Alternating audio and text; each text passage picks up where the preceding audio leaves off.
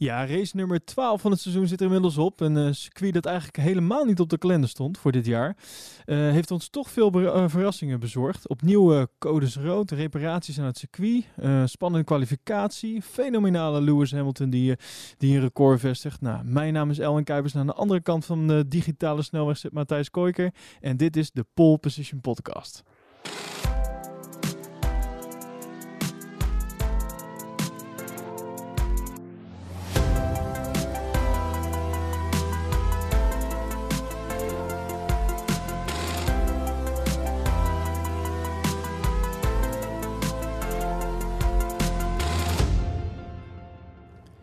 Ja, Portugal was het afgelopen weekend. Nooit gedacht dat we daar uh, zouden gaan racen aan het begin van, van dit jaar. Maar uh, zo zijn er wel meer dingen waarvan we niet dachten dat het uh, zo zou lopen dit jaar. Ik, ik moet zeggen, Matthijs, ik heb er echt enorm van genoten van deze race. Ja? Wat jij? Ja, zeker. Ja, ik ben, ik ben überhaupt een fan van het hele chaos seizoen. Doe maar nieuwe circuits, dingen waar mensen er nooit op getest hebben. Ik vind het leuk nou, getest wordt er wel op zich, maar niet... Uh, ja, ver enough in dit geval wel. Maar ik bedoel, we hebben dit jaar toch al veel circuits meegemaakt die, die niet of zelden worden gereden. En ik vind dat dat toch de leukste, uh, de leukste races oplevert. Ja, absoluut waar, absoluut waar. Um, ja, waar, waar, waar zullen we dit weekend beginnen? Want uh, ik, ik heb voor mezelf uh, eigenlijk een aantal hoofdonderwerpen die ik sowieso wil bespreken. Heeft eigenlijk niet zo heel veel met de race te maken. Oké. Maar, zullen, maar zullen we daar wel even mee beginnen? Met de race dan? Ja, nou, laten we beginnen met het circuit. Het circuit, oh ja, dat is een goeie. Want uh, het was natuurlijk uh, ja, voor Formule 1 een, een, een nieuw circuit. En uh, ik, ik moet zeggen, het, ik vond het er echt fantastisch uitzien. Ik, de, ja, de hoogteverschillen vind ik heel gaaf in dit circuit. Het heeft volgens mij iets van 15 bochten heeft het. Uh, we hebben er 66 rondes op gereden. Althans, niet wij, maar de coureurs. Uh, en maar één DRS-zone op de start-finish. Ja. En ondanks dat hebben we toch best wel veel inhaalacties gezien. Dus dat vond ik eigenlijk best wel leuk. Ik, ik dacht eerst van, mm, ben benieuwd uh, of, of dat het echt het enige stuk gaat zijn waar wij inhaalacties gaan zien. Maar dat, dat viel mee. En uh, volgens mij heeft de Formule 1 er wel nog tests op gedaan, uh, ah, jaren geleden. Um, we hebben... In 2009. Ja, klopt ja. Um, en ze hebben, ze hebben voor, de, voor de goede orde hebben ze even wat uh, nieuwe, nieuw asfalt erop gelegd. En ja, dat was wel ook een beetje het verhaal van dit weekend. Het nieuwe asfalt op het circuit van Portimao. Ja.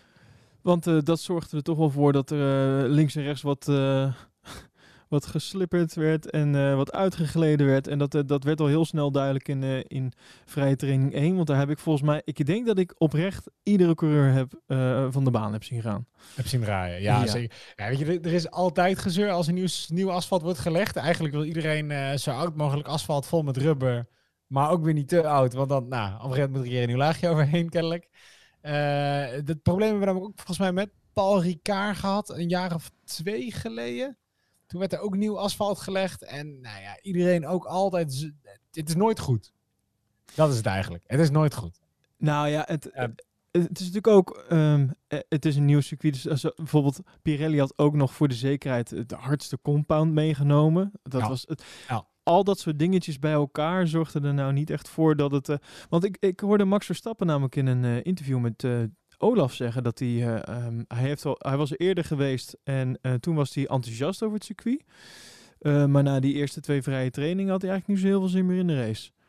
Nee, hij was niet zo heel positief dit keer, hè? Nee. Nou, in ieder geval vooraf wel, maar na die eerste twee vrije trainingen had hij zoiets van, nou, op deze manier hoeft het voor mij nou niet per se. Nee. Nou, kan ik op zich voorstellen als je, als je heel de tijd alleen maar aan het zoeken bent naar grip dat is ook wel een beetje het verhaal van, uh, van deze race. Het zoeken naar grip uh, om überhaupt op die baan te blijven. En dan, en als je alleen maar daarmee bezig bent, kan je niet meer racen. Ja, en dat... natuurlijk. Het is een gebrek aan, uh, aan oud rubber op de baan. Het maakt het dan wat glad. maar ja, goed, weet je, dat doet een regenrace, doet dat ook. Max kan het misschien niet leuk vinden. Ik heb ervan genoten. ja, dat moet ik dan wel zeggen. Ik heb er dan in die zin ook wel eigenlijk van genoten. Want het, ja, dit past wel helemaal in, in dit seizoen. Ja. ja, uh, dus, dus Vrije training 1 was dus veel, veel glijden. vrije training 2 uh, daar oh, trouwens, wat opviel trouwens de vrije training. Ik weet niet of je dat hebt gezien. Uh, maar uh, Mercedes die had geen dassysteem op, het, op de auto zitten. Nee, klopt. Omdat ze aan het oefenen zijn voor volgend jaar. Ja, eigenlijk. Ze zijn nog niet meer bezig met de auto van, van dit jaar. ja. Ja, grappig genoeg over het DAS-systeem zeiden ze wel dat bij de GP in de Eifel was, het, was het systeem daar het meest gebruikt ooit, zeg maar. Als je kijkt naar dit hele, dit hele jaar. En hebben zij ook, uh, vermoeden zij dat ze daar het grootste voordeel uit behaald hebben. Voornamelijk vanwege de lage temperaturen. Oké. Eh, dus nou ja, nou was het alweer tricky. Goed, temperatuur in Portugal was niet een probleem. Maar ja, het is toch even goed om te testen hoe het is om weer helemaal zonder dat systeem te rijden. Want ja, vanaf volgend jaar zijn we er natuurlijk vanaf. Ja, precies, dat is het ook. En daarnaast werd er in uh, vrije training 2 werd er ook uh, gebruik gemaakt van, uh, van de banden van volgend jaar. Althans, Pirelli die deed een, een blind tire test, hebben ze gedaan. Weet je, heb je, weet je een beetje wat dat inhoudt? Ik heb het een beetje verder uitgezocht, namelijk dit, dit verhaal. ik weet alleen dat de teams drie sets banden kregen. Eén rijder kreeg uh, twee sets en één rijder kreeg één set. En de rijder met één set die moest een lange stint rijden op die banden. En het had te maken met de compounds voor volgend jaar. Ja, klopt ja. En Pirelli die heeft zeg maar acht tot tien verschillende types banden mee uh, genomen. En die hebben ze verdeeld over de teams. Maar, maar de teams weten zelf ook niet wat ze zeg maar onder die auto stoppen. Dus het is echt puur alleen maar informatie die, en, en data die voor Pirelli van belang is. Dus teams hebben eigenlijk geen idee. Uh, en het was wel grappig, want je hoorde echt verschillende uh, coureurs hoorde je klagen over de banden en over alles. Ze hadden, het zijn namelijk allemaal verschillende, uh, ja, wat ik al zeg, types. Dus uh, verschillende samenstellingen ook van de banden en zo. Het was echt een zoeken naar, nou, wat, wat, is de, wat zou de beste band kunnen zijn? Wat, wat geeft elke band qua data? Alleen is het wel zo dat het circuit van Portimao eigenlijk als, als derde favorite zeg maar, op hun lijstje stond om te gaan testen.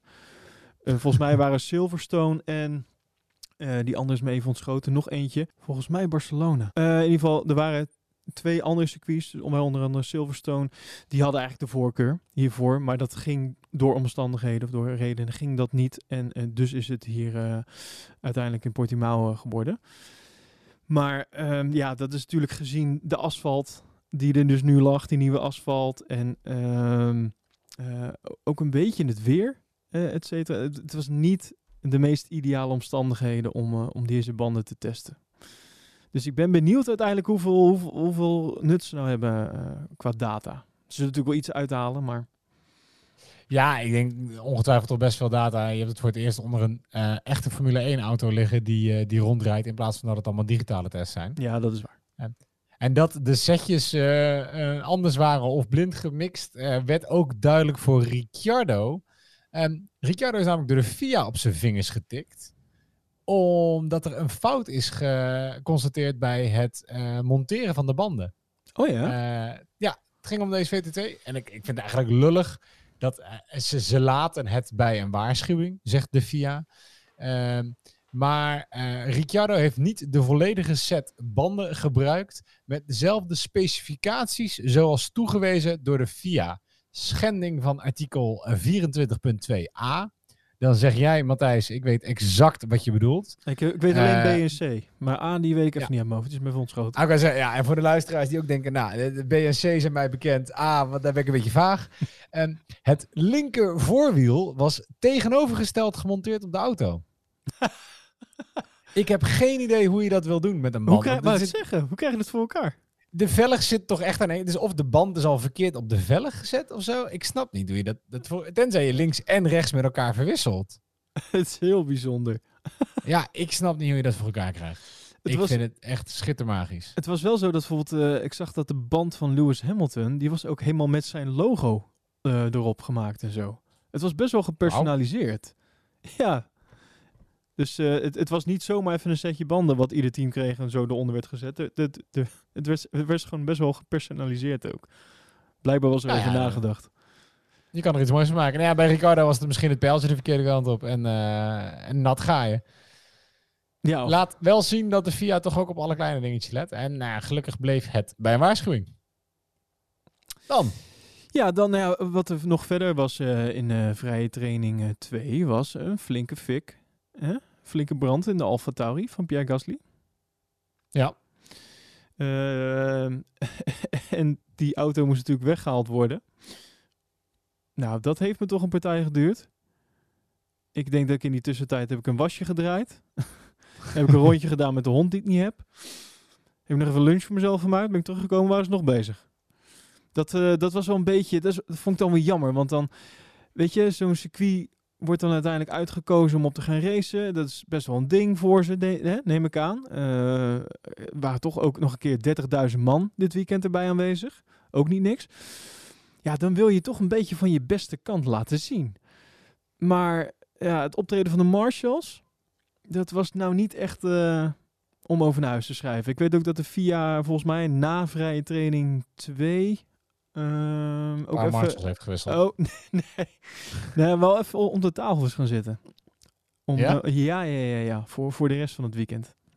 Okay. Van, uh, er moeten even een aantal dingen anders, jongens, want uh, die gaan niet helemaal goed. Ja. Maar dan zie je dat ah, gebeuren, is natuurlijk lekker knullig. Maar ja, dan denk je toch, ah, je gunt het zo'n circuit dan. Kom op. Dan hadden we nog verder in vrije training 2. En dat was denk ik voor, hè, voor de, de, mensen met de oranje bril het meest op, opvallende. De crash van, uh, van Max en van Stroll. Ja, ik heb geen vrije training meegekeken, maar het is, uh, daar stond mijn telefoon roodgloeiend van.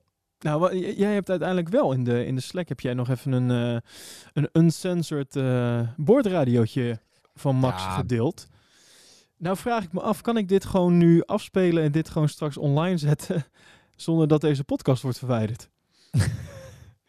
ja, je vraagt het je af, want het is uh, langzaam op internet een dingetje aan het, aan het worden. Kijk, ik kwam die ongecensureerde, pot, uh, die ongecensureerde uh, boordradio tegen. Maar ja, op tv laten ze dit niet horen. Je zag deze beelden wel, maar of het wordt heel veel weggepiept en het valt uiteindelijk meestal wel mee. Maar wat Max hier laat horen, ja, dit gaat echt nog een staartje krijgen hoor. Zullen we het eens even gaan, uh, gaan beluisteren?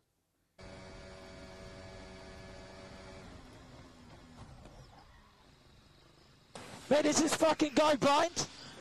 What the fuck is wrong with him? Jesus Christ. What a retard.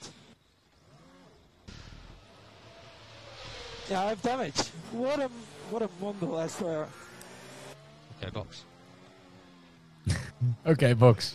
Mooi hoe ze daar dan ook rustig blijven. Oké, okay, Ja. ja, maar ik denk ook omdat ze aanvoeden dat ze dit echt niet. Uh, dat, dat, dit gaat hem niet in dank afgenomen worden. Uh, zeker in Amerika zijn. Uh, ja, is, is retard. We hadden het er van tevoren even over. Kijk, wij zijn een beetje opgegroeid als de South Park generatie. Daarin was dit een soort van stopwoordje. Ja. maar tegenwoordig is dat. Je kan dat echt niet meer maken. en, en niet alleen zei hij dat, hij zei ook nog Mongol. En, en nou blijkt, er is een open brief gestuurd van de uh, Mongol Association. Nee, dat meen je niet. ja, ja, nee, nee. Dit is, dit, is, dit is niet verzonnen. Dit is niet verzonnen. Uh, en dit is een, uh, een Schotse organisatie die zich bezighoudt met uh, het, het Mongol zijn. Dus Mon mensen uit Mongolië. Zeg maar, ja, vanwege de, dubbele betekenis is dat een beetje lastig waar je het over hebt. Vanwege de mensen uit Mongolië om ja, de Mongol Identity Association, zo heet het. Die vraagt dus in een open brief uh, of uh, ja, Max door het stof wil gaan. Die moet ze excuses gaan aanbieden, wil je zeggen? Jazeker, ja, die moet ze excuses gaan aanbieden, want uh, ja, dit, dit kan natuurlijk niet. Je, je, mag het woord Mongol kennelijk niet meer gebruiken van de Mongol Identity Association. Oké, oké. Ik wist helemaal niet dat hashtag het zo'n ding Mongol Identity. Dat is ook gewoon echt een hashtag, zie ik nou. oké, ja, ja. ik doe er misschien wat lacher over, maar ik wist helemaal niet dat dit zo'n zo'n ding was. Ja. Het, het, is maar goed nou dat ik de afgelopen tijd niet in Amerika ben geweest. En ik kwaad ben geworden op iemand. Nee, nou dat. Ik bedoel, kijk, ik wist het, ik wist het van retard wel. Dat is echt een woord dat in discrediet is gevallen de afgelopen vijf jaar of zo. Eh, misschien tien jaar. Mensen worden nu heel boos. Ja, jezus, Matthijs, wat heb jij onder een steen geleefd? Dit kan je echt niet meer zeggen. Eh, maar ja, ja, ja, Mongol mag ook echt niet meer van de Mongol Identity Association. Ik vind het... ehm, ik vind het iemand van een onbekende organisatie die even een voetje wil halen en, en in de nieuws wil komen. Ja, denk je dat Max dit nog gaat doen? Denk je dat er nog een filmpje Ik- gaat komen? Ach, ik hoop het niet. En ik vind het ook lullig. Want kijk, op een bepaald, op een bepaald punt zijn boordradio's zijn natuurlijk... je- ja, er, er wordt zoveel gezegd tijdens een training en tijdens een race dat nooit wordt uitgezonden. Dit is eigenlijk gewoon één op één contact tussen een, een, coureur en het, het team. Of eigenlijk de persoon op de pitwall. Ja, joh, je, zit, je, bent- je bent aan het race, je zit vol adrenaline. Je kan echt niet ook nog eens heel... Die jongens krijgen al genoeg mediatraining. Je kan niet op ieder woordje gaan letten wat je roept. En als jij net met weet ik hoeveel honderden kilometer per uur gecrashed bent door iemand... en je daardoor je training mist en je bent boos... ja, boeiend. Eh, sterker nog, alles wat naar buiten komt, wordt gecensureerd. Je moet op zoek gaan naar de ongecensureerde versie van deze boordradio voordat je dit kan horen. En dan moet je je ook nog eens beledigd genoeg voelen daarvoor om een open brief te schrijven. Stopt er toch mee. Ja, als het al trouwens naar buiten komt. Want er zijn ook genoeg boordradio's die in principe niet, helemaal niet worden uitgezonden. Wat dan ook. Nee. Nee, precies. Dit is wel een goeie, want hier wil ik eh dadelijk nog even op terugkomen. Op dit, eh, op dit punt. Oké. Laten we snel nog even door, eh, doorrijden naar vrije training 3. Eh, Wauw. daar, sorry, echt heel slecht. Maakt niet uit. Ehm, wat, daar vooral opviel, eh, weer een code rood. Eh eerder de vrije training 2 was natuurlijk een code rood door de auto van eh, Gasly. Vrije training 3 was een code rood door, ja, daar was die, een loszittende putdeksel. En los zit er de putdeksel. Of ja, putdeksel. Het was meer, het was een soort van, het, het was op de curb, zeg maar. Het was, eh, ja, het was voor meteen nachtmerries. ja, nee, het was Vettel deze keer die, die hem even lostrok. En eh, ja, meteen code rood was richting het einde van de sessie op zich. Dus dat maakte niet uit. Maar het had uiteindelijk wel gevolgen voor eh, de kwalificatie. Want die was uitgesteld met een half uur. Omdat ze nog even met wat kit eh, en papier dat ding aan het vast, eh, vastmaken waren. En dit was dan ook weer zo'n puntje dat ik dacht... Ja, dat is ook dan weer net niet wat je wil. Toch? Nieuw circuit. Dan, dit zijn juist de dingen die je dan even niet wil. Ja, nee, maar kom op. Dit zijn, dit zijn heel veel vrijwilligers eh, die samenwerken. En het is inderdaad een nieuw circuit. Hier gaan nooit auto's overheen die zo hard rijden als een Formule 1 auto. Kan gebeuren. Elwin, kan gebeuren. Ja, ja, aan de andere kant, eh VIA heeft al besloten dat ze volgend jaar toch niet terug gaan komen op al die circuits die ze nu uit de brand hebben geholpen. Dus dank je wel Nee, voor dat. niet. Er wordt veel meer geld neergelegd voor straatcircuits. Ja, ja. Waar we lekker in een treintje kunnen rondrijden. Het lijkt Sorry. daar alsof je daar niet enthousiast over bent. Was je dan wel eh, enthousiast door. over de kwalificatie? Was je daar wel enthousiast over?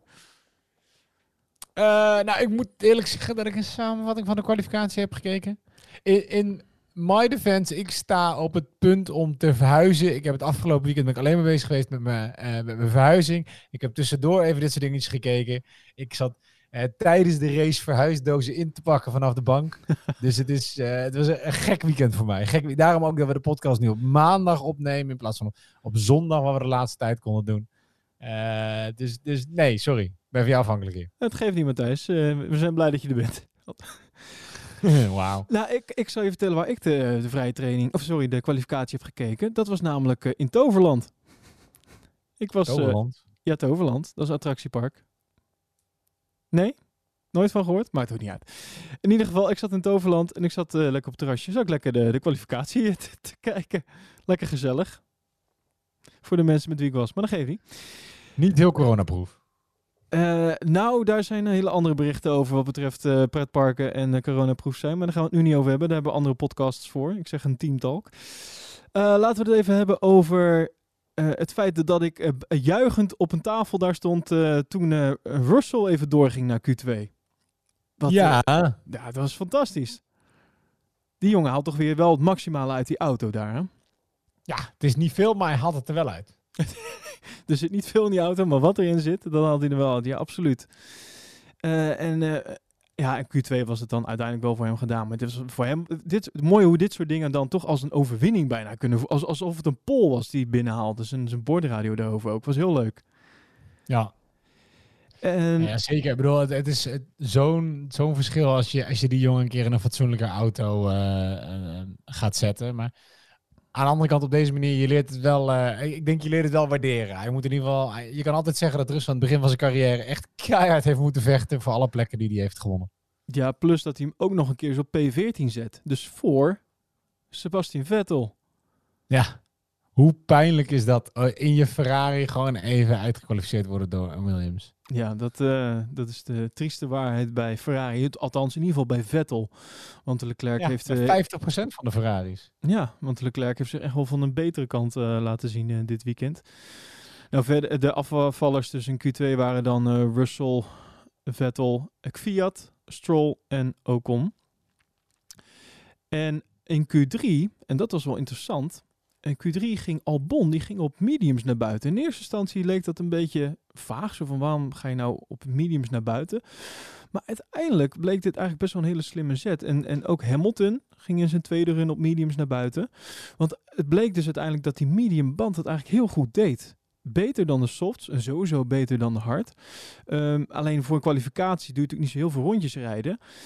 En dit is het punt waarop Hamilton zijn pole uiteindelijk heeft binnengehaald. Door, en wat ik zei nog volgens mij in de Slack, van is het nou meer geluk of wijsheid? Hij heeft hem in ieder geval binnengehaald.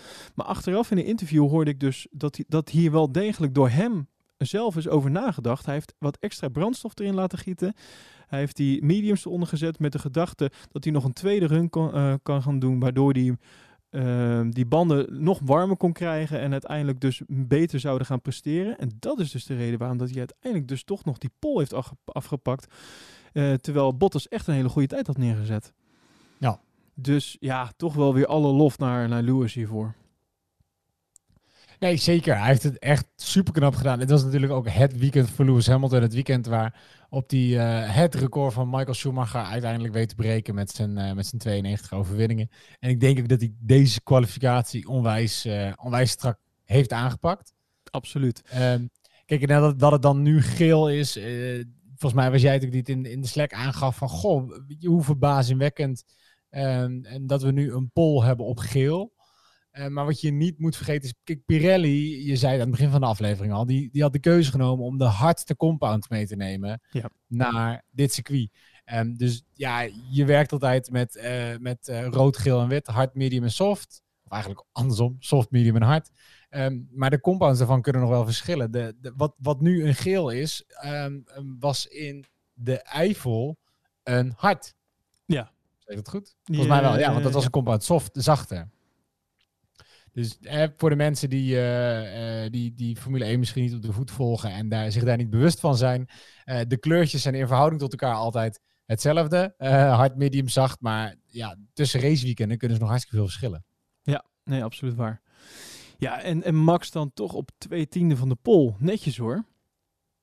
Dat, Ja, wel twee tienden van de pol. ja, nou ja, het, eerst had hij zelfs nog de, de Mercedes gesplitst. Totdat Lewis er nog even overheen ging. Maar ja, nou ja, oké, ja, ja, wel twee tiende van de pol. Dat klopt. Helaas. Maar ik denk dat, dat, dat Max niet geheel ontevreden was.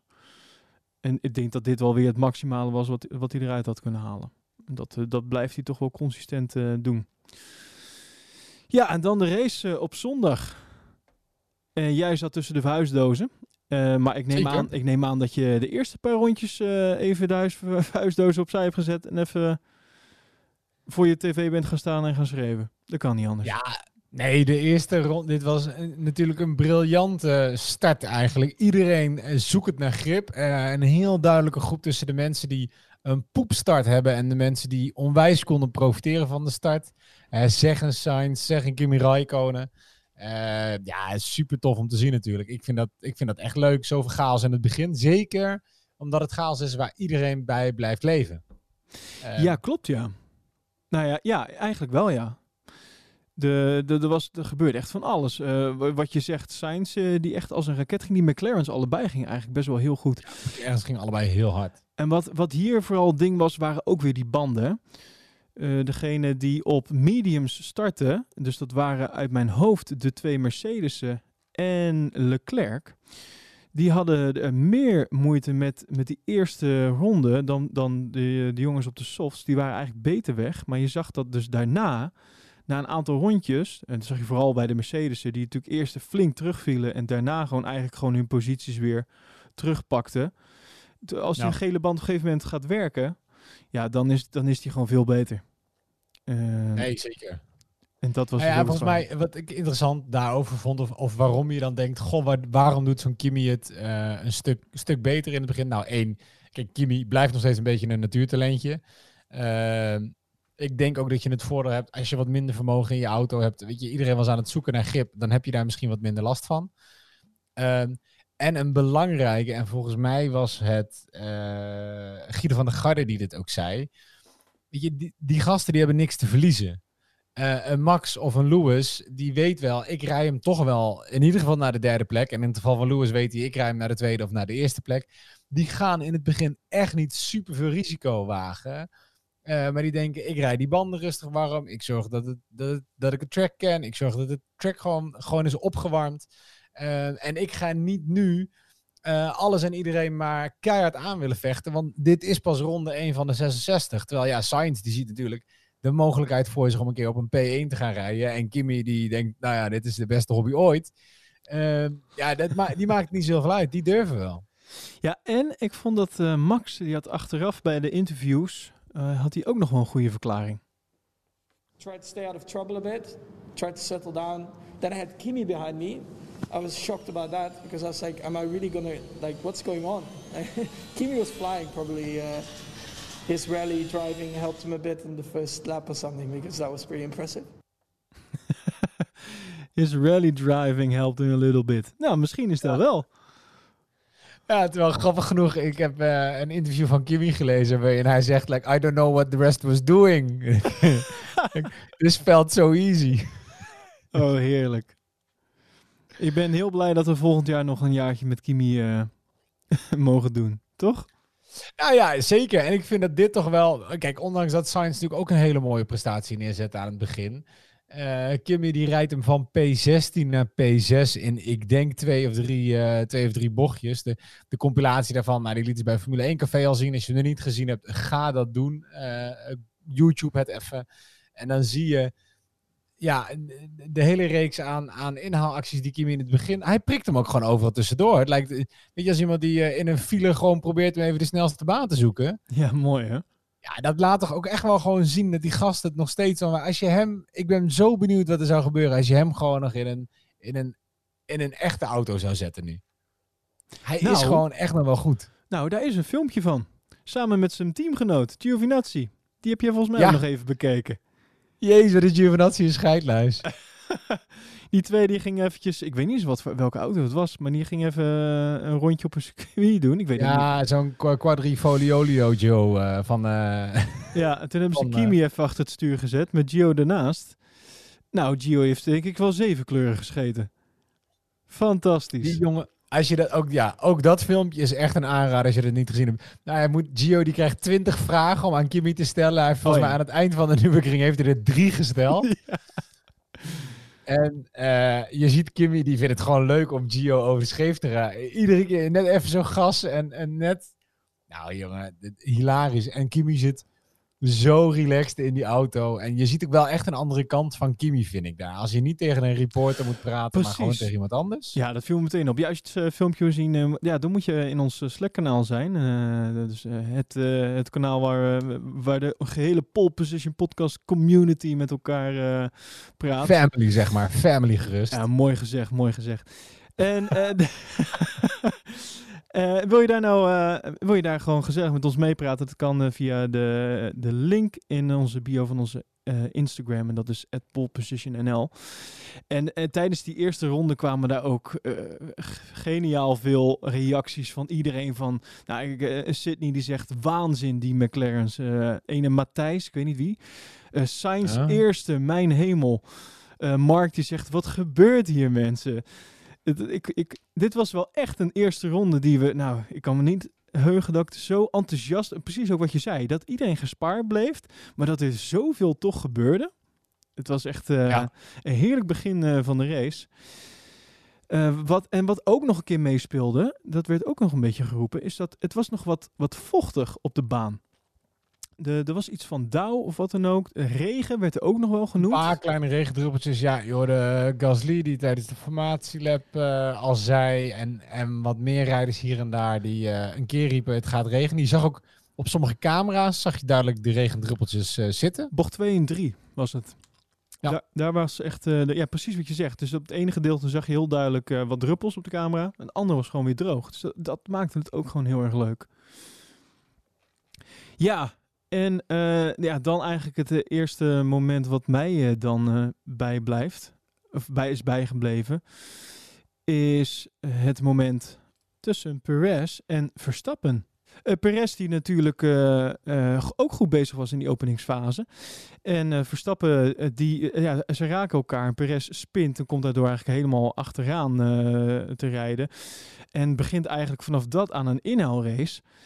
En komt uiteindelijk verderop in de race nou weer terug op volgens mij positie 5, 6 uit mijn hoofd. Het is bizar hoe hij de hele, de, het, het, hele veld gewoon weer bijna heeft ingehaald. Terwijl ja, we bijvoorbeeld ja. een Albon hoorden zeggen, nou, het is eigenlijk, ik kan nergens inhalen. Eigenlijk alleen maar uh, 14, als je goed 14, 15 uitkomt, dan op start-finish. Maar anders kan ik niet inhalen. Nou, ik weet niet, maar ik heb op veel plekken inhaalacties gezien, maar niet per se alleen op, op het start-finish gedeelte. Nee, ik heb gewoon weinig inhaalacties gezien van Albon. En ik denk dat hij zich hiermee uh, nou ja, helemaal graf gegraven heeft met zo'n opmerking. En nee, ja, Perez die heeft, het, heeft inderdaad ook een bizarre race gereden uh, als je het bekijkt. Nu moet je, dat vind ik wel, bij die Racing Points niet vergeten. Het blijft gewoon een roze Mercedes. Ik bedoel, als uh, toen Hamilton vorig jaar van uh, P16 naar P6 uh, reed, vond je dat ook niet indrukwekkend. Sterker nog, dan vond je dat hij het eigenlijk slecht aan het doen was, want hij had al wel P3 kunnen halen. En, ja. en dat vind ik ook wel een beetje bij die Racing Points.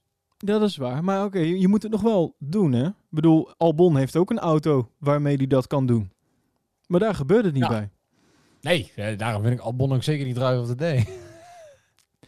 Nee, ja, volgens mij, uh, je kopt hem al eventjes uh, snel in, maar volgens mij is Perez ook drive of the day geworden. Uh, en nou, dat komt zeker door, door eigenlijk de inhaalrace die hij die, die, die heeft gemaakt. En dat, is, nou, dat heeft hij zeker goed gedaan. Maar ehm, op de boordradio was wel duidelijk dat hij, hij zei ook van, I thought he had enough space of iets in die trant, zei hij.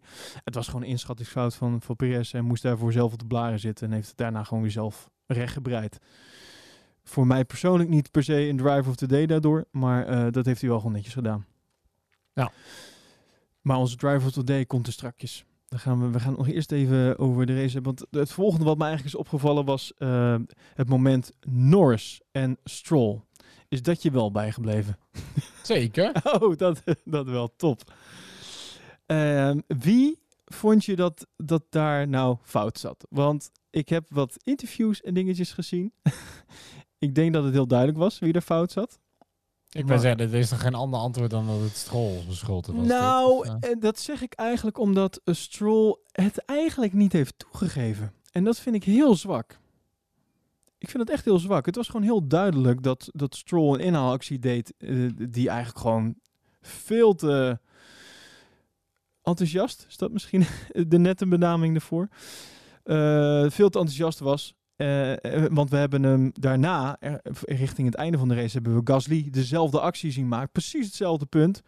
En dan perfect. Gewoon op de manier zoals je hem zou moeten over. doen. Ja, ja. Stroll laat gewoon niet genoeg ruimte over. Hij is, hij is, gewoon, hij is zich niet genoeg bewust van uh, de grootte van zijn auto of van de plek van andere rijders. En ik denk dat dat iets is wat we eigenlijk constant bij Stroll zien. Hoewel hij ontzettend vooruit is gegaan de laatste paar jaren. Zeker het laatste jaar. En zeker nu hij in een goede auto rijdt. Ehm, blijft hij toch op een of andere manier altijd betrokken bij dit soort dingen. Nou ja, kijk alleen al in de, in de vrije training 2 met Max. Daar ja. was het ook al feest. En ik moet zeggen, hij, hij is er zichzelf ook echt wel bewust van. Het, alleen het hele ding is, dat, wat, wat ik net al zei, hij, hij geeft het niet toe. En dat vind ik gewoon heel zwak. Ik denk dat als je gewoon toegeeft van, nou, ik heb dat gewoon verkeerd ingeschat, dit is mijn schuld. Ik denk dat je dan veel meer sympathie kweekt uiteindelijk. En begrip. Denk ja, ik, een soort van begrip. Maar niet dat Stroll sowieso niet voor de sympathiefoto uh, gaat. nee, het is, het, hij gaat niet echt voor de Daniel Ricciardo prijs, hè? Nee. Maar ik heb wel even de, de boordradio's van, uh, van de twee heren hier zo. Keep going, keep going. Get the car back. Get the car. No puncturing data. No puncturing data. Well, something's wrong with the car, Brad. Uh, front wing. Front wing damage, maybe. You need a front wing lance, so it'd be box for front wing. What the fuck is this dickhead doing? I got damage, guys. I need a box. I got wing damage. Cunt. Okay, understood. Might be steering damage. I don't know. Okay, understood. We're checking. Kant. Ja, die vond ik heel mooi. Die nog heel veel heel tussen. Oh, kant. Maar ik vind ook hier dat je het verschil... Ja, ik moet bij Stroll altijd om lachen. En dat hij... Volgens mij was het vorig jaar, of misschien al twee jaar geleden... dat hij op een gegeven moment zijn, zijn vleugelkop... Of dat hij niet door had dat hij een lekke band had. Oh ja. Dat hij achter een lekke band had en dat hij zegt... Jongens, mijn vleugel, mijn vleugel. En gast, je band ligt er gewoon af. Hoezo heb je dit niet door? En ook nu hoor je hem... eh, eh, eh, puncture, puncture. Nou, uiteindelijk is het een beetje onduidelijk wat er is. Je hoort het ook aan zijn race-engineer. Die Die heeft ook geen ja, idee. Nee, we kijken wel eventjes. En dan hoor je Norris die gewoon meteen touwtjes in handen neemt. En zegt, ja, hij neemt in ieder geval beslissingen. Hier op het moment, jongens, vleugel is kapot, ik moet naar binnen toe. Uiteindelijk is dat ook zo, maar is het misschien ook zijn stu- stuurinrichting? Dat weet ik niet helemaal. Ja, maar het, maar niet, het, het gaat vooral om het feit dat Norris gewoon meteen zelf aangeeft: ik kom nu naar binnen, Ja, want er is iets reageren. fout. Ik neem, ik neem de leiding hierin. En bij Stroll is het zo van: nou jongens, er is iets. Kijk maar even. Ik weet niet, er is iets. En nu? Volgens mij heeft hij nog niet eens het idee dat hij naar auto rijdt soms. Het is echt bizar. Ik Ja. kan, ik, nou, Ja, daar blijf je gewoon wel echt het verschil zien. Hij is daar op een of andere manier zo knullig in. Ik vond eh, eh, he- heerlijk hoe, hoe Norris dat dan ook zo meteen op die boordradio gooit. Ja. Eh, hij, hij, wa- hij was zich wel bewust van het feit dat dat misschien niet helemaal handig is. Hè? Ik bedoel, we, we hadden het net over Verstappen, die een aantal dingen over de boordradio heeft geroepen waar ze hem nu op pakken. Eh, ja, dat is iets wat je in Engeland wel kan zeggen. In Amerika totaal niet. Nou ja, Norris die dacht op een gegeven moment van, nou ja, ehm, weet je, dat moment met Stroll, ik heb er nog eens even over nagedacht, namelijk nog een rondje of, eh, wat zal het zijn geweest, 40. Eh, ik wil er nog even iets over zeggen. I apologize for what I said about Lance. I shouldn't have said the words I did, but it's just in the moment I was annoyed. But cheers, boys. Good work anyway. We tried. Yeah, no problem, Lando. No problem. We understand. Kijk, en dan ben je voor mij een hele grote. Als je dat gewoon durft te zeggen, weet je wel. Ook al ben je het er misschien niet eens mee eens, maar ik, ik Ik geloof net echt zeggen, wel. dit, dit, dit voelt ook ergens een beetje als een soort van mediatraining. Omdat hij denkt, oh god, er zitten... eh, er- er zijn een paar mensen aan het meeluisteren die Mm. hier heel zwaar aan zouden kunnen tillen. Weet ik niet, weet ik niet. Nou, maar misschien eh, geloof ik te graag in het, Ik spro het sprookje netjes, nee, Norris. oh, was netjes dat hij doet, maar ik vind wel dat je in alles hoort dat hij volgens mij denkt, ja, oké. Nou, hij heeft er nog steeds wel zijn mening over. En daar heeft hij na de race, in het vierkantje, heeft hij daar nog wel iets over gezegd. So you would have seen Lance coming around on the outside. You would have, he knew that you were there. Were you just disappointed by the fact he just turned in on you? Yeah, yeah. I don't know what he was doing really. I mean, he went to the left. I don't know where he was really. Um, he went, yeah, to the left, which I was quite surprised by when he very easily could have gone to the inside. Um, and also, you know, easily halfway alongside, and he just turns in. So he obviously didn't learn from Friday, but he doesn't seem to learn with anything he does. So um, it happens a lot with him. Uh, so I just need to make sure I stay away next time. Zo. Ik vind, dat, ik vind dat bijna nog pijnlijker dan een scheldwoord. Dit, ja, dit is gewoon een regelrecht rechte aanval, dit toch? Dit is toch echt een fuck... Ja, hij, hij leert eigenlijk niet zoveel, maar goed. Nou ja, dat, ge- dat gebeurt wel vaker bij Lens. We blijven gewoon uit de buurt. Ja, ik, ja, ik vind het heel mooi hoe hij dit... eh, want hij- hij- hij heeft gewoon helemaal gelijk. Ja, 100%. Weet je, hier is geen spel tussen te krijgen. En ik heb ook, ik, die heb ik eh, niet eh, eh, erbij gepakt, die boordraad, of de, het interview met Lens achteraf. Maar dat was het meest ongemakkelijke wat ik dit weekend heb gezien.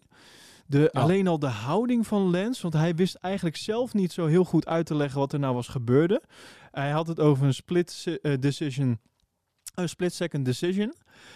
En dat hij, hij wist niet heel goed wat Lando nou ging doen. Of hij nou aan de binnenkant bleef of dat hij nou in het midden ging rijden.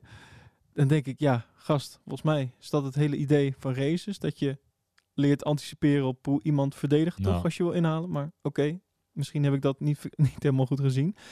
Maar vooral de manier hoe die eh, aan zijn haar zat en eh, aan zijn gezicht heel de tijd. eh, aan alles in zijn systeem zei, ja, kut man, kut. Krijgt die vraag weer. Hij heeft, hij heeft helemaal gelijk. Maar ja, ik ga echt niet toegeven dat, dat, ik, dat ik een fout zat, weet je wel. Maar hij wist gewoon niet hoe hij moest antwoorden. Vervolgens ging de interviewer er nog overheen van, ja, en je hebt ook nog een keer een vijf seconden tijdstraf gehad ervoor.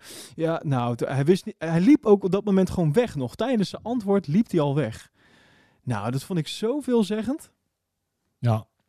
En ik vond het vooral heel, heel, ja, ik vond het gewoon laf. Je kan toch gewoon zeggen, yo, ja, ik zat daar verkeerd. Het was echt, eh, was niet slim. Het heeft mijn hele race eigenlijk verder een beetje bepaald. Eh, maar ja, weet je, ik kan, er, ik kan er niks meer aan doen na dat moment. Dus ik heb geprobeerd om de schade te beperken. En eh, weet je, volgend weekend beter. En sorry, Lando. Ja. Dan is het toch Ja, klaar? dat was het meest verrassende geweest. Maar dit, en dit is, oh man, nou, ik heb een heel, heel epistel klaargemaakt. Dit is nou precies het hele ding met Racing Point. Maar daar kom ik zo op terug. Deze drol hou ik nog even in. Ja, en dan wat het meeste opviel, denk ik. De, de, de, de, de finish. Eh, Het moment dat Hamilton eh, Bottas weer inhaalt. En eigenlijk vanaf dat moment ook gewoon wegrijdt. En daarna is ook gewoon geen wedstrijd meer geweest. Althans niet meer tussen die twee jongens. En dat was toch ook wel bizar. Want allebei op dezelfde banden. Uiteindelijk pakt Hamilton Bottas op een DRS en eh, gaat er voorbij. Maar hoe kan dat verschil zo groot zijn, Matthijs? Heb jij daar enig idee eh, over? Eh, nee, eigenlijk niet. Ik denk gewoon dat eh, ja, Ha- Hamilton in zoverre laat zien dat hij toch een, een stuk betere rijder is dan Bottas. Of Bottas gewoon echt zijn weg niet kan vinden op het circuit hier. Het is best wel op zich wel schijnend hoor. Want dit, deze overwinning van Hamilton was de grootste marge in heel het seizoen van 2020. Ook nog? Hij won met 25,5 seconden voorsprong. Jeetje. Oh ja, dit Ja. heb ik ook gezien trouwens. Ja, ja. ja was het de grootste? Ja, Oh, jij hebt eh, de finish gezien? Nee, nee die 25 seconden. Maar ik wist niet dat dat de, eh, daadwerkelijk ook de groot, het grootste verschil was. Ja, grootste marge in heel het seizoen. Eh, ja. Ja, weet je, maar ook dit is, ik denk dat we hier, hier genoeg over gezegd hebben en dat het... eh, Nou, Bottas dat er, was echt down achteraf. Heb je dat, eh, dat interview achteraf nog even gezien?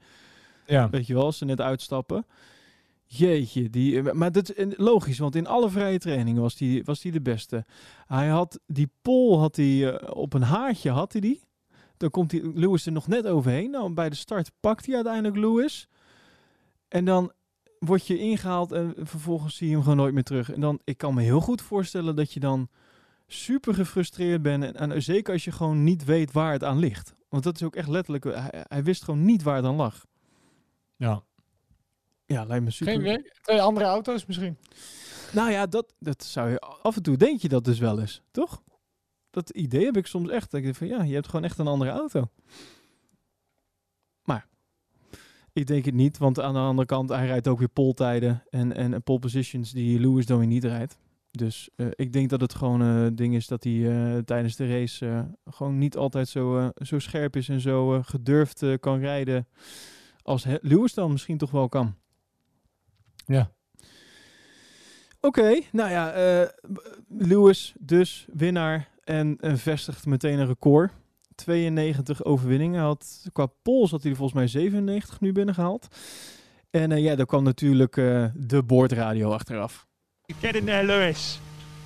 What a race, mate. You are rewriting the history books.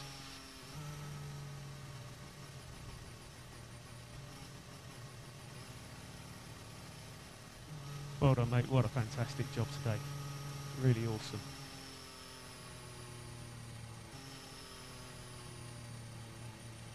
Dit is een beetje een eenzijdige boordradio.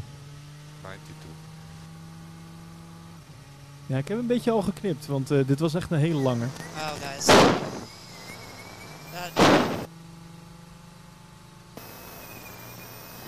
I, I naturally couldn't have done this without all of you. Thank you so much for continuing to believe in me, continuing to strive for perfection. It's such an honor to work with you guys. Thank you. And you, Lewis, real honour. It is a real honour, genuinely. Amazing job, guys. Woo! Amazing. Lewis Bono is busy. He's coming to you on the podium. Awesome job, Lewis. We'll see you up there. Make sure you give Bono a good soaking. Thank you, Marcus. Great job. Ja, mooi. Het eerste wat hij toch doet is gewoon meteen ook weer toegeven. Je- Weet je, zonder jullie had ik dit niet gekund. Dat is natuurlijk een beetje de discussie die, eh, die er gaat. Nu hij zeg maar het record eh, heeft geëvenaard, of nee, niet geëvenaard, voorbij is gegaan van, eh, van, van Schumacher. Er zijn natuurlijk heel veel van die Schumacher-fans die, die vinden dat, dat wat Lewis nu doet, dat dat helemaal niet in verhouding staat tot wat de Schumacher ooit heeft gepresteerd in die auto en wat hij met, met het team heeft gedaan, zeg maar. Ehm, ik denk dat, eh, nou, op papier is sowieso Lewis nu de allergrootste. Eh, en ik denk dat Lewis ook wel heel erg eh, zichzelf heel erg beseft dat hij het gewoon zonder het team en waar hij al jaren geleden is ingestapt, hè, dat dat gewoon een heel groot gedeelte van zijn overwinning ook is, zeg maar. Uiteraard, je moet ze binnenhalen. Maar ehm, nou, de, de, de nederigheid is in ieder geval wel. Ehm, ja, of in ieder geval toch in, woorden zo. Ik bedoel, en, ik denk dat het weinig zin heeft om het te vergelijken. Je kan zeggen dat Lewis een, te maken heeft met een, met een auto die veel beter is. Ja, dat kan je ook over een aantal jaren van, van Ferrari zeggen in de tijd van Schumacher. Ehm, je, ik ben helemaal geen grote Hamilton-fan, maar ehm, die kerel heeft nu het all-time record voor de meeste overwinningen, de meeste podiums, de meeste punten, de meeste races aan de rijding gereden en de meeste pole positions. Je kan niet anders dan hem een van de grote noemen. Absoluut. Nou, daar ben ik helemaal met je eens. Met je eens. Eh, wie was voor jou eigenlijk naast Lewis dan? Want dat, eh, dat was natuurlijk wel de grote eh, dit weekend. Maar wie was voor jou eigenlijk de driver of the day op de zondag? Ja, ik vond Perez dus best wel tegenvallen. Eh, wat voor mij best wel een favorietje was, maar, maar min of meer eh, achteraf was Gasly. Nou, ja. Ik vond echt dat hij het onwijs, onwijs goed heeft gedaan. Ja, je haalt echt de woorden uit, eh, uit mijn mond. Ja, nee, ik ben het helemaal met je eens. Gasly was ook degene die ik had genoteerd als driver of the day. Het, ja, het verbaasde me toch een beetje dat Perez was gekozen uiteindelijk. Eh Sainz, die deed natuurlijk ook nog een duit in het zakje gezien eh, zijn- start. Maar eh, ja, eh, Gasly, ik, ik heb even zijn, zijn boordradio van zijn finish. Ehm, die is erg leuk. What a man, fantastic job Pierre, fantastic race. Absolutely amazing race today mate. You should be really proud of your drive. That's for you guys. That one's for you. Amazing job. You killed it. Honestly, that that race was so cool. Really enjoyed. Yeah, on That's the, why I race, you know. When I have the car, that's why I race. So let's do it more often. And uh, we are one lap down I'm afraid, so I've got to pay the drinks tonight. Yeah. Drinks on you. I told you. Anyway, amazing job, guys. Grazie a tutti. We stay in the fight. We stay in the fight. We stay in the fight. Yeah. Deze gaat voor mij door als mooiste boordradio van het weekend. Mooi. dat is heel leuk. Ja, toch? Dat, eh, en hij heeft hier achteraf ook nog een interview over gezegd. Hij zegt het hier ook al een beetje. Weet je, geef mij een goede auto en ik, en ik zorg dat het gebeurt. Nou, het leek een beetje alsof dat weer een steek was naar, naar Red Bull, zeg maar. Want hij benoemde ook heel erg van, eh, en Alfa geef mij die. Dus eh, daar ben ik super blij mee. Ik denk dat Gasly toch in zijn Red Bull tijd niet helemaal lekker zat. Ehm, ook in, in, in zijn koppie, zeg maar. Een beetje wat Albon op dit moment heeft. Ik denk dat hij gewoon heerlijk op zijn plek zit hier zo. En, eh, en, en dat ook echt laat zien op, eh, op het circuit. Dus eh, wat mij betreft gewoon lekker daar blijven volgend jaar. Zeker niet naar, naar Red Bull halen. Ik denk dat dat een hele stomme keuze zal zijn. Want, Ja. en ik, denk, ik, weet, ik vraag me ook af of hij dat nu zou willen. Eerlijk gezegd. Nou, dit hebben we al eens eerder over gehad. Ik denk dat hij gewoon lekker nu daar wil blijven. En eh, wil laten zien wat hij kan eh, tegenover een Red Bull misschien wel. Hey. Ja, ik denk dat hij gaat volgend jaar echt niet naar Red Bull toe. Dat gaat niet gebeuren. Nee, dat, eh, dat zie ik ook niet gebeuren. Ja, dan hebben we denk ik nog wel wat, wat nieuws voor dit weekend. Ja, Matthijs. Jij bent eh, de krochten van het internet eh, ingedoken om nog wat, eh, wat leuke nieuwtjes eh, naar boven te toveren. Zeker. Namelijk, we hebben niet zoveel van hem gehoord deze race, want dat hebben we, nou ja, laten we eerlijk zijn, de meeste races niet. Maar Giovinazzi, ehm, ja, waar die in het filmpje met Kimi in de auto van Kimi waarschijnlijk te bang was om nog fatsoenlijk te kunnen praten en vragen te stellen, had hij tijdens de race dit keer daadwerkelijk een probleem. Want Giovinazzi heeft de hele race zonder zijn boordradio moeten doen. Oh. Ja, na ronde 1 viel eh, de connectie op een of andere manier weg tussen Giovinazzi en tussen de rest van zijn pitmuur. en hij heeft de hele race, inclusief dus de beslissingen wanneer hij moest pitten, heeft hij alleen van de pitborden af moeten krijgen. Oh, ik wilde net zeggen van hoe ga je dan bepalen wanneer je naar binnen gaat en zo. en, en dat Oude, ouderwetse, ouderwetse pitborden. En dat is wel grappig. Dus ondanks dat de coureurs altijd zoveel communicatie over de pitmuur hebben, zijn alle teams ook altijd nog volgens mij trouw in de weer met alle pitborden. Je ziet ze altijd, nou, ze staan niet alleen maar langs de auto's voor de sier als iemand gewonnen heeft, maar ze worden ook echt eh, getoond op het moment dat, eh, dat coureurs langs rijden. Eh, nou ja, dit, zo op deze manier heeft Giovinazzi dus gewoon een- een hele wedstrijd lang met zijn team moeten communiceren. Wat grappig. Daar was trouwens ook nog een ding over. Hè? Die, eh, ja, die soort van gaten dan aan de zijkant waar dan die eh, mannen met die pit, met die borden zo doorheen eh, steken. Dat was ook allemaal te klein. Dat moest ook allemaal groter nog. Gedurende het weekend. Nou ja, blij dat ze het nu natuurlijk gedaan hebben. Ja. Want ja, anders dan had Giovinazzi echt een probleem. Want hoe ga je in hemelsnaam aan je team communiceren dat je elkaar toch echt niet meer kan verstaan? En, en hoe los je dat op zo'n moment op? Ja, het is bizar. Nou, het, eh, ja, toch wel knap dan. Toch? Maar ja, en ik vind op zich de vraag wel weer leuk die natuurlijk daarop volgt. Ja. Is dat iets wat, wat we überhaupt tof zouden vinden? Weet je? Minder teamcommunicatie. Nou, dan eh, zou het hele concept eh, wat wij de laatste tijd aanhouden met boordradios meteen, meteen in duigen vallen voor Ja, deze podcast. foto's laten zien van, van, van pitborden. Ja, nee, ja, maar dat, dit is een podcast, hè? dat snap je. Nee, ja, ik, ik, ik, ik moet eerlijk zeggen dat ik te veel plezier haal uit, uit de boordradio's. En nou, bijvoorbeeld Ja. die we dan net horen van Gasly zo aan het einde. Oké, dat is dan niet tijdens de race, maar toch. Ja, dat, dat wil je toch niet missen? Althans, ik... Nee, maar ik bedoel, vanuit, tacht, vanuit tactisch oogpunt, je krijgt toch minder het... eh, ja, komt... Nou, je zou bijvoorbeeld wel kunnen zeggen dat je eh, maar een x aantal communicatiemomenten mag hebben. Of zo. En dan dat ja, je... ik dat, dat, is bijna niet te doen. En wanneer doe je dan wel of niet? Weet je, als het regent. Kijk, het koele vond ik het, zeker met dingen als regen en zo. Je hebt maar één moment waarop het team enigszins naar de coureur kan communiceren met zo'n bord. En je hebt eigenlijk geen manier hoe eh, de coureur fatsoenlijk kan terugcommuniceren naar het team. Nee, dat is ook wel weer waar. Nee hoor, laten we dit gewoon lekker houden. Ik, eh, ik, eh, ik ben ervoor dat we het gewoon houden. Dus. Maar leuk, leuk, grappig. Dit eh, heb ik helemaal niet meegekregen.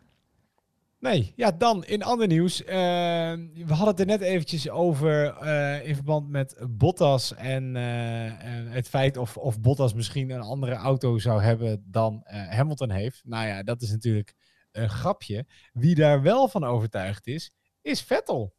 Echt waar? Vettel is ervan overtuigd dat Leclerc een betere auto heeft dan hem. Nou, dat is. Dat vind ik niet hij- heel gek, eerlijk gezegd. Nee, ja, je zou het natuurlijk bijna denken. Ik bedoel, Leclerc die rijdt gewoon een, eh, een hartstikke nette vierde plek. En eh, Vettel die eh, haalt één puntje bij op plek, mee op, op plek 10. Ja, dat, dat is natuurlijk bizar. Ehm, en in de boordradio aan het einde, eh zodra Leclerc de finish overrijdt, hoor je dat hij ook vraagt naar waar Vettel is gefinished. Klopt, En ja. reageert hij eigenlijk heel positief op, op het feit nou, dat, hij, dat hij het goed had gedaan. Eh, ja, Vettel was er natuurlijk niet zo heel blij mee. eh, want nou ja, je hebt nu een beetje de, de, de leraar is de, de leerling geworden. Ja. Eh, en tegenover RTL vertelde Vettel ook, weet je, ik ben hier niet om maar één punt te, te scoren. Nee, logisch. Ik, ik, ik denk dat het een terechte vraag is van, van Vettel. Ik denk dat je toch. Maar waarom zouden ze dit doen, joh? Nou, ik Vraag je toch alleen maar, ze- maakt toch alleen maar zichzelf belachelijk? Of denken ze dat ze, zijn ze zo klaar met Vettel en denken ze dit seizoen hebben we toch al verloren, laten we Vettel maar zoveel mogelijk voor lul staan door hem een andere auto te geven? Nou, een klein zijstapje. nou, een klein zijstapje makend. Ik heb, eh, ik heb even gedoken eh, rondom de hele discussie. Wie is nou de beste coureur, et cetera, et cetera. Eh, daar kwam onder andere bijvoorbeeld naar boven dat eh, Michael Schumacher in zijn contract liet opnemen dat de tweede rijder, dat hij sowieso de eerste rijder was en, da- en daarmee ook een betere auto zou krijgen. Stond contractueel vast. Ja, nee, zeker. Maar dat was in de tijd dat teams echt nog een duidelijke eerste en een tweede rijder hadden. Maar die tijd, Elwin, is al een tijdje achter ons. Nou, en die vraag kan je jezelf stellen of dat zo is of niet. Want ik denk Ja. dat het misschien op papier niet zo is, maar dat het in de Maar- pitboxen wel zo is. Nou ja, maar weet je, ook dan is het verschil niet zo groot als wat het verschil nu is. De, bedoel, dat zou, dan, dit zou echt op, opzet moeten zijn. Het verschil tussen een vierde of een tiende plaats. Eh, het verschil tussen, eh, wat is het, eh, eh, Q3 er al uit, of wat is het, uitgequalified worden voor, voor Williams. Ja. En rijden zoals Leclerc rijdt. Nee joh, dat, dat, dat kan bijna niet. Ja, dus jij zegt eh, de enige factor die daar eh, van doorslag is, is gewoon hij zelf. Ik denk, ik denk het wel. Of, of het is echt qua de opzet van Ferrari. Maar dit is een groter verschil dan een eerste en een tweede rijder. Een eerste en een tweede rijder is het verschil tussen Hamilton en Bottas als je, als je twee auto's zou. Dat is waar. Dat, Oké, Ja. oké. Nou.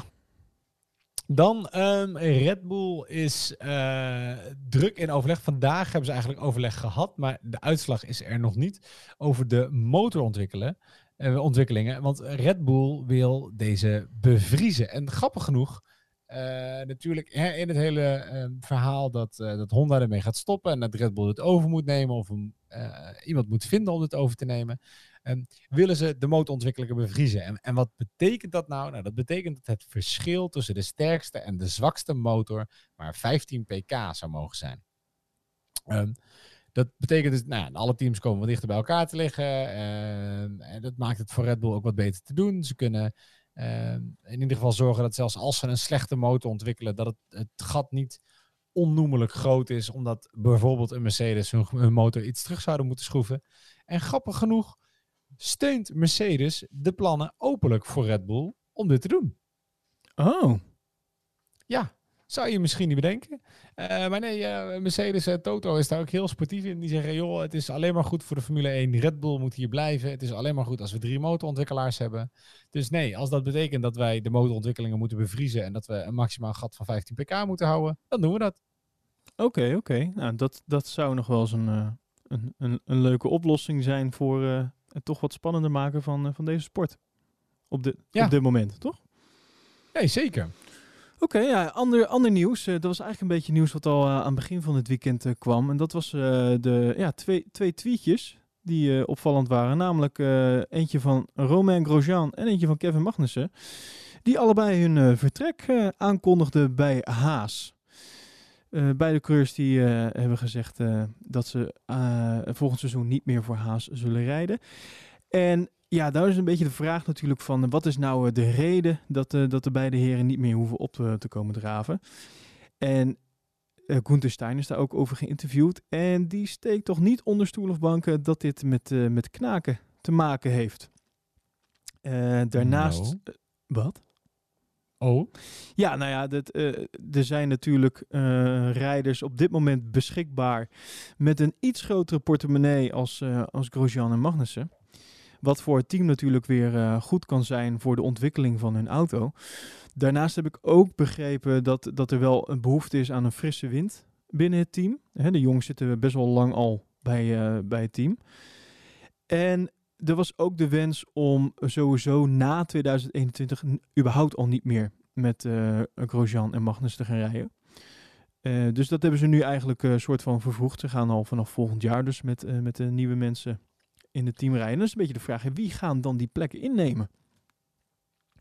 En het lijkt er toch op dat, eh dat kanshebbers daarvoor zijn onder andere Schumacher en Mazepin. Oké. En dan hebben we het uiteraard over Mick Schumacher. Ja. En ook de Eh, zoon van Marco ja. terugkomt. Nee. Ja. Maar ehm, ja, omdat zijn het allebei eh, ja, rijders die in ieder geval eh, iets kunnen brengen bij het team.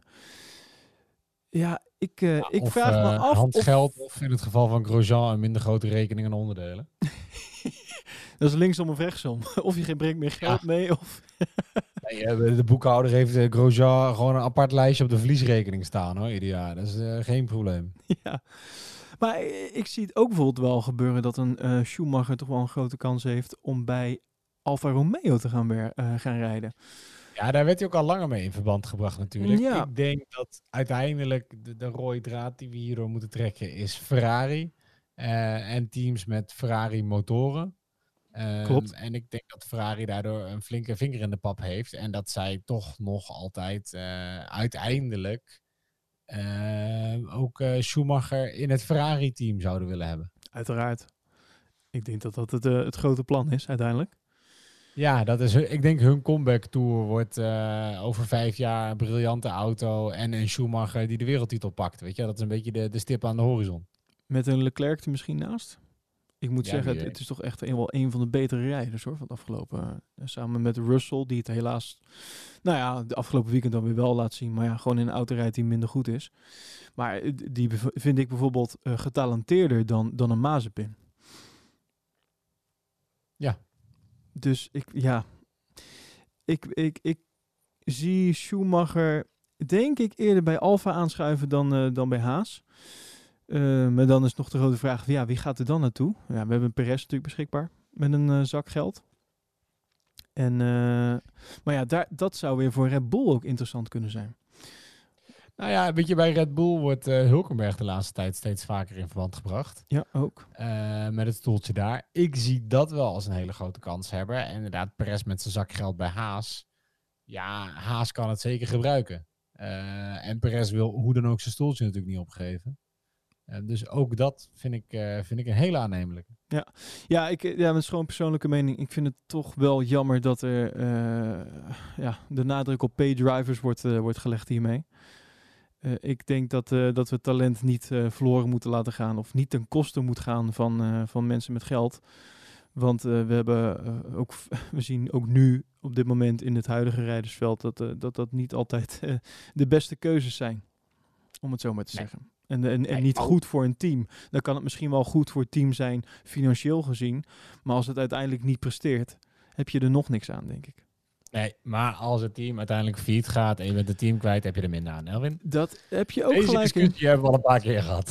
Nee, nee, dat klopt. Maar dit, ik moest, ja, dit is toch weer iets wat naar voren komt. Juist omdat er echt best wel... Het wordt gewoon niet onder stoel of bank gestoken. Dat dat, dat gewoon echt wel een reden is. Ja. En een best wel grote reden ook. En, dat is een, en ik vind dat... Ja, doet mij toch... Mijn Formule 1 hart doet dan toch een beetje pijn. Oh, en door. In ander nieuws. Eh, Daniel Ricciardo heeft een update gegeven over de tattoo van Abitaboel. Eh, hij heeft een tattoo artist vriend die aan twee designs gaat, eh, gaat werken. Eh, hij heeft ook aangegeven dat het uiteindelijk best lastig is om iets met Duitsland te gaan doen. Maar dat ze mogelijk kijken naar iets als de Eiffel Grand Prix in letters onder de tatoeage Ja, zetten. die, die swastika Omdat was toch geen optie? Sorry? Die swastika was toch geen optie? Nee, helaas. Er komt waarschijnlijk wel iets van een honey badger op. Ja, ja, toch wel? Ja, daar heeft hij het wel over. Er moet sowieso een honey badger op. Oh. Ja, eh, dat, dat had jij goed voorspeld dan. Maar had hij dat van tevoren al aangegeven dat dat... eh, Nee, ach, kom op. Iedereen met al een halve hersencel. Ik probeer me niet aangesproken te voelen. Ehm, en eh, in het, het, het laatste nieuws, want ik denk, eh, ik zag dat jij, ik vul hem maar even in, in Alonso nieuws. Oh, wacht even. Fernando Alonso. Uitgebreide bumper voor. Wat zeg je? Waarom doen we daar die uitgebreide bumper voor? Doe gewoon die korte. Het is Alonso maar. Ga verder. Goed. Ehm, in, Alonso heeft in de RS20 gereden, in de toekomstige eh, Renault-auto. Eh, ieder Ja. team heeft een 100 kilometer eh, ieder jaar dat ze voor persgelegenheden mogen gebruiken. Nou, dat wordt altijd stiekem een klein beetje gebruikt om te testen. Ehm, en Alonso heeft erin gereden en hij, nee, nee, daarover zei hij, I think the car was a nice surprise. Ehm, en het feit dat ze nou ja, best wel goede performance eruit kunnen halen en dat het voor hem weer eventjes wennen was. Maar dat hij, eh, dat hij verwacht dat hij het snel allemaal weer eh, te pakken heeft. Ehm, nog niet heel lang geleden was er een soort van nieuwsbericht waarin Alonso zei dat hij zichzelf op iedere vlak, ieder vlak een 9 gaf. Eh, bescheiden, bescheidenheid als een 10. Uh, lamlul. Maar ik denk, en dit is eigenlijk wel, ik denk dat dit bijna een weddenschap is die ik met je aan wil gaan. Oh, ja. Uh, Daniel Ricciardo stond natuurlijk op het podium. Ja. Ik denk dat Alonso volgend jaar dat niet voor elkaar gaat krijgen. Oeh. Oh. En dan wil jij natuurlijk bij mij uitlokken dat ik ga zeggen dat dat wel gaat gebeuren. Ja, ik durf erom te wedden. Dat gaat hem niet lukken. Oké. Okay. Het gaat hem niet lukken in een race waarbij er meer dan 10 auto's finishen. dat is het Mooie kleine- randvoorwaarden. Ja. Eh, Oké, nou die, die uitdaging wil ik met jou aangaan. Dat gaat er echt niet lukken. Dan moeten wij nog even gaan bedenken waar we dan eh, precies om eh, gaan wedden. Maar eh, d- daar ga ik met je aan. Challenge accepted bij deze. Leuk, eh. Wat zeg je, Matthijs? ik, ik vond het tatoeage-idee wel leuk. ja, leuk uh, Proposition podcast logotje op je linkerbil. Oké, misschien moet ik daar nog even over nadenken. Maar de, de challenge staat in ieder geval sowieso. Dat vind ik een leuke. Eh, nou, het- ik zit net nog in een, eh, een lekkere mood, maar ik merk dat ik moet, er zit toch nog even iets wat ik kwijt moet. En dat heeft te maken met, eh, met Racing Point. Dus ik weet niet of jij door je nieuws verder heen bent. Want dan ga ik nog even een Nee, kleine ik ik leggen. heb nog één, één klein dingetje te afsluiten, maar dat is geen nieuws. Dus, Het is geen nieuws. Ja, nee. Oké, als jij dan even de troep over Racing Point kwijt moet, ga ik even drinken pakken. Ga los. dat is goed. Ja, eh, Racing Point. Ehm, het weekend begon eh, natuurlijk, het begint altijd met, eh, met interviews, et cetera, met alle coureurs. En daar werd bij Stroll natuurlijk gevraagd, na vorig weekend, ja, hoe het met hem ging. Want vorig weekend voelde hij zich niet goed. En ehm, nou, uiteindelijk heeft hij dus niet meegereden. Corona. Ja, en wat blijkt dus, de beste man, die is positief gete- ge- getest op corona. Hoe krijg je dat voor elkaar met al die bubbels? Nou, wat ik dus interessant vind, is dat er op de zaterdag zijn er al de symptomen. Eh, symptomen van het feit dat hij, hij, hij was volgens mij had griep, hij was vermoeid en hij had diarree. Als jij in deze tijd eh, dit soort symptomen vertoont, wat is dan het eerste wat jij gaat doen? Naar de wc. Ga geen domme vragen stellen, Elwin. En als jij van de wc bent gekomen en je bent helemaal leeggescheten, wat ga je dan doen? Dan ga je een coronatest laten doen, Matthijs. Oh. Toch? Je gaat gewoon een, Ja. een, een COVID een COVID-test laten doen. Maar er is dus geen coronatest bij hem afgenomen. Het hele weekend niet.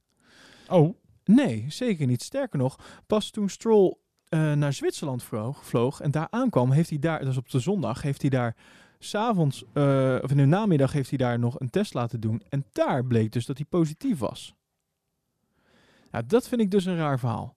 Want hoe kan het zo zijn dat een coureur met symptomen van COVID-19 een heel weekend nog in de paddock rondloopt? Of ligt, of op de wc zit, of weet ik veel wat. Met de kans dat je heel veel mensen aansteekt. Eh, en vervolgens heeft het gewoon heel veel eh, ja, invloed. Stel dat dat echt zo is. En dan kan je zoveel mensen besmetten. En de FIA heeft zoveel moeite gedaan om, om dit hele circus überhaupt op pad te krijgen. Heeft met, met eh, nationale overheden gesproken. En, en een soort van, ja, nou, geen garanties, maar in ieder geval van alles overlegd om er maar ja, toch te, kunnen garanderen dat het eh, super veilig is en dat het kan. Er zijn heel veel teams die nu financieel best wel in de problemen zitten. En hoe kan je dan in godsnaam een coureur die dit soort symptomen heeft niet laten testen en rond laten lopen dat hele weekend daar? Ik snap het niet. En Ik vind het bijzonder dat je inderdaad geen, eh, geen test krijgt of geen test meteen afneemt als je zo ziek bent. Nee. En, en, en het is ook nog een keer de communicatie daar naar buiten van, eh, van Staffenauer. Ja, dat, dat was ook... eh, op een gegeven moment had hij gezegd van... eh, nou ja, hij heeft, eh, hij heeft last van, eh, eh, van, van, dus van die symptomen, et cetera. Vervolgens had hij, zei hij van... Ja, hij heeft een upset tummy. En toen zei hij... Ja, maar je hebt toch aangegeven dat hij dit, dit en dat had. Oh, heb ik dat gezegd? Nou, dan heb ik me verkeerd uitgedrukt. Hè? Verkeerd uitgedrukt? Je weet toch wel gewoon wat je zegt? En dan, daar, daar kan je toch niet zo heel veel verkeerd over uitdrukken. Daarnaast vind ik het interessant. Er zijn twee coureurs nu al uit één team besmet. Geraakt, dan kan je dus afvragen, zijn jouw protocollen wel oké? Klopt dat Ja. wel? Eh Safnauer heeft over gezegd, we hoeven niks te veranderen aan onze protocollen. Punt. Ja, dat vind Ja, ik toch duidelijke taal. nou ja, dat is duidelijke taal. Maar waarom is het zo dat Hulkenberg, die het circuit opkomt, wel een test kan laten doen? En vervolgens die auto instapt? Want het moet ook. Je moet, als je zeg maar de bubbel inkomt, moet je je laten testen. Anders kom je er überhaupt niet in. Maar waarom kan hij dat wel? En, en is dat bij Stroll niet gedaan? Het is nu trouwens ook veranderd, hè? Na dit. Via heeft sowieso een waarschuwing gegeven. Aan, eh, ook weer zo slap, een waarschuwing. Je hele WK ligt op de schop eh, waarschijnlijk door iemand, eh doordat een team heel nalatig is in dit soort dingen. Geef je toch geen waarschuwing? Ja. Afijn. Maar in ieder geval, die regels zijn nu ook aangepast. Je moet nu, als je, als je de, het paddock binnenkomt, moet je je meteen laten testen. En 24 uur daarna nog een keer, zeg maar. Dus die regels zijn ook meteen aangepast. Dus het gaf al aan dat er dus eigenlijk te veel vrijheid lag bij de teams... Wanneer, wanneer zij konden bepalen wanneer er wel of niet getest werd. Ja, ik, ik vind dit gewoon echt een heel raar verhaal. Maar ik vind vooral ook de manier waarop Racing Point dit seizoen met dit soort dingen omgaat. Denk aan het Breedux-affaire. Waar, die, waar ze ook eh, eerst heel erg fel tegenin gingen en vervolgens ineens lieten varen, bijvoorbeeld. Ja. Ook een raar verhaal. Eh, ook nog, Lawrence Stroll, vader, is ook positief getest erop. Was op de donderdag negatief, op de zondag samen met zijn zoon samen positief. Ik vind het gewoon een heel slap verhaal. Ik snap gewoon niet. Terwijl hij trouwens niet eens in Duitsland was, hè, Lawrence. En ook niet in Rusland, maar dat eh, terzijde. Ik vind het gewoon een heel slap verhaal. En wat, het punt wat ik vooral wilde maken is dat ik vind heel erg slecht hoe Racing Point communiceert over dit soort dingen.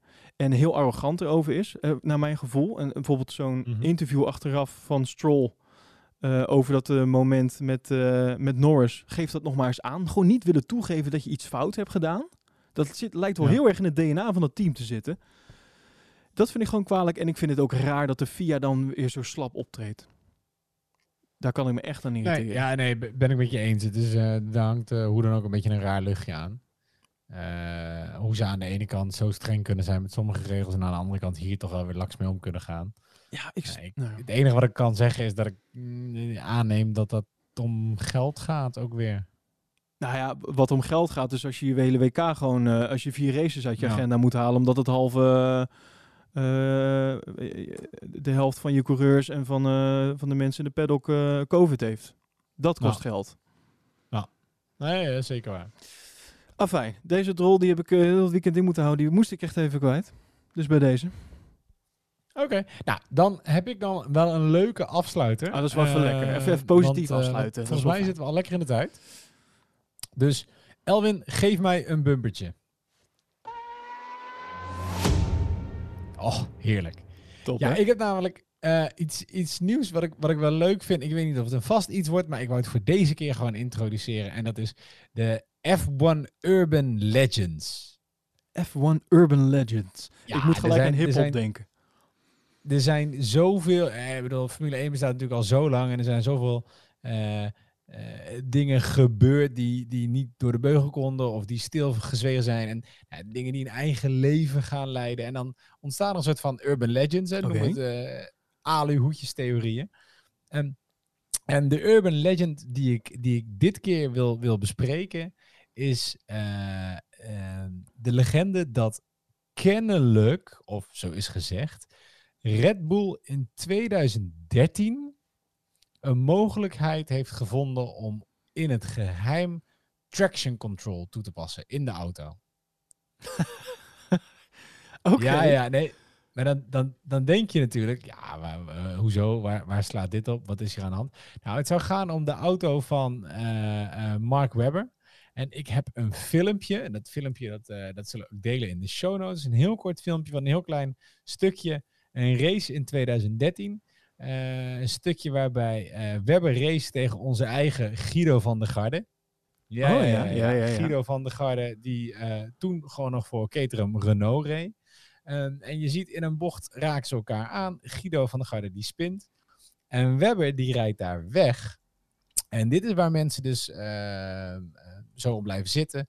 Want wat zie je? Als hij wegrijdt, trekt zijn Red Bull een slipspoor. En in plaats van dat dit een constant slipspoor is, wat je nou ook verwacht, hè? Ik bedoel, je geeft te veel gas, achterwiel gaat spinnen, je trekt een slipspoor, zie je allemaal hele... Het is dus in plaats van dat het een soort van doorgetrokken streep is, zijn het allemaal stipjes. Ja, alsof er iets in het systeem, en dat kan je niet met je voeten doen, alsof er dus iets in de auto zit, een bepaald systeem, een torque factoring systeem, een traction control systeem, wat ervoor zorgt dat iedere keer als die achterband doorslipt, er heel even vermogen wordt ingehouden om maximaal grip te laten zien, te, te geven. Oké.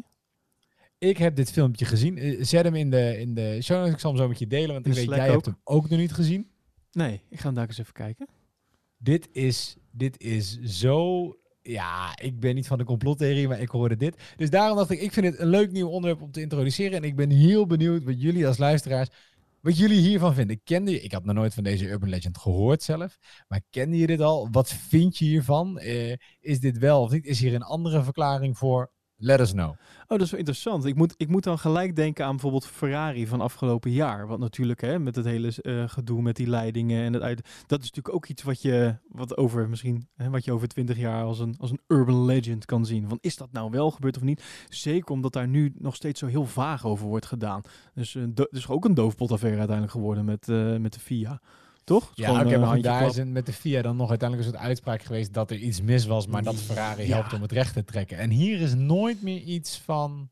Ja, dat was, dat was namelijk de vraag die ik eigenlijk daarna wilde stellen. Is, daar, is hier nog iets dan op, op gevolgd Nee. of wat dan ook? Oh. Niet, nee, niet dat ik weet. Buiten dat er dus een hele hoop mensen zijn die dit, die dit opviel. En eh, ja, dat, er is nooit iets, iets hard gemaakt over het feit. Maar het is. En er zijn meer redenen waardoor dit kan ontstaan. Dit kan een combinatie zijn tussen de hitte van de banden en de afstelling van de vering. En Ah, oké. dat kan. Ja, oké, maar die kansen zijn heel Maar- klein, zeg maar. Dat is zeer onwaarschijnlijk. Ja, oké. En dit was ook een jaar waarin Red Bull ook wel ontzettend goed was. Mm. Ik, Oké. ik, weet, ik denk, eh, Ik ben benieuwd. Laat, Nou ja. laat weten in ons Slack wat jullie denken. Eh, Is het, eh, is het waar of niet waar? Oké, nou dan eh, zijn we denk ik aan het einde gekomen van, eh, van- deze podcast. Ik, eh, ik kijk nu al uit naar, naar de volgende, Imola. De teams zijn heel snel op weg daar naartoe. Sterker nog, ze hebben niet eens een vrije training op de vrijdag. Ze gaan zaterdag één vrije training doen. En daarna gaan ze meteen de kwalificatie in. En op zondag dan de race. Dus ja, daar heb ik echt heel veel zin in. Want dat is weer, eh, weer zo'n factor die eh, van dit WK, van dit jaar, wat weer alles zo anders maakt. Ik, eh, ik kijk Ja. er nu al naar uit. En waar ik heel erg naar uitkijk, want eh, laten we eerlijk zijn, bovenaan is alles al beslist. Maar in het middenveld zitten nog zoveel, zoveel kansen.